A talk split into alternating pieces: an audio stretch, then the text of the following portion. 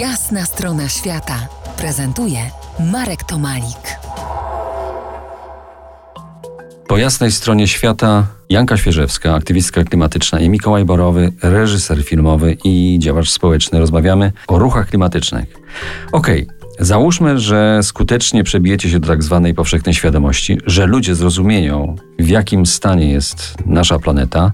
I teraz pytanie, co dalej? Czy młody człowiek, aktywista MKS-u, Młodzieżowego Strajku Klimatycznego, ma dalszy plan działania? Janka. Ja myślę, że to jest w pewnym sensie rzucanie odpowiedzialności na te młode osoby.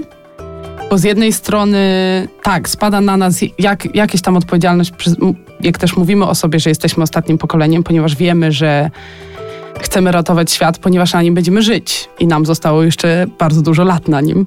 A z drugiej strony myślę, że stresuje mnie takie rzucanie odpowiedzialności na młode osoby i to, że my musimy mieć wszystkie wymyślone plany, ponieważ uważam, że teraz stoimy w takim miejscu, gdzie powinniśmy się bardzo, bardzo łączyć. Łączyć się też wiekowo, czyli że po prostu rozmawiamy ze sobą, że ten dialog jest prowadzony że mama ostatniego pokolenia i nauczycielka ostatniego pokolenia razem z tym ostatnim pokoleniem rozmawiają o tym, jakie te plany są dalsze.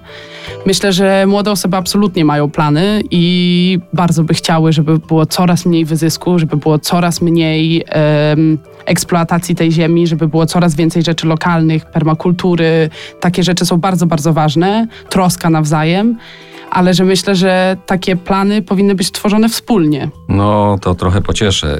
Jacinda Ardern, premierka Nowej Zelandii, jeden z niewielu polityków w skali świata, uważa, że dalszy postęp technologiczny jest nam niepotrzebny. A może by tak zdobyte, zdobycze technologiczne tu i teraz wykorzystać do stworzenia zrównoważonego procesu regresji.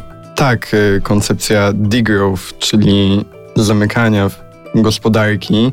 Może to na początku źle brzmi zamykanie gospodarki, ale jeżeli sobie uświadomimy, że polega to na tym, żebyśmy mieli rzeczy trwałe i to, co produkujemy, było na lata, dziesiątki, a może i nawet na pokolenia, co będziemy mogli sobie przekazywać, nie będziemy ciągle musieli biec za tym, żeby produkować rzeczy, które się niszczą, no to myślę, że to jest piękny świat, w którym możemy żyć. I nie potrzebujemy do tego więcej nowej technologii, tylko ta, która jest, jest już wystarczająca do tego, żeby sobie poradzić też również z katastrofą klimatyczną.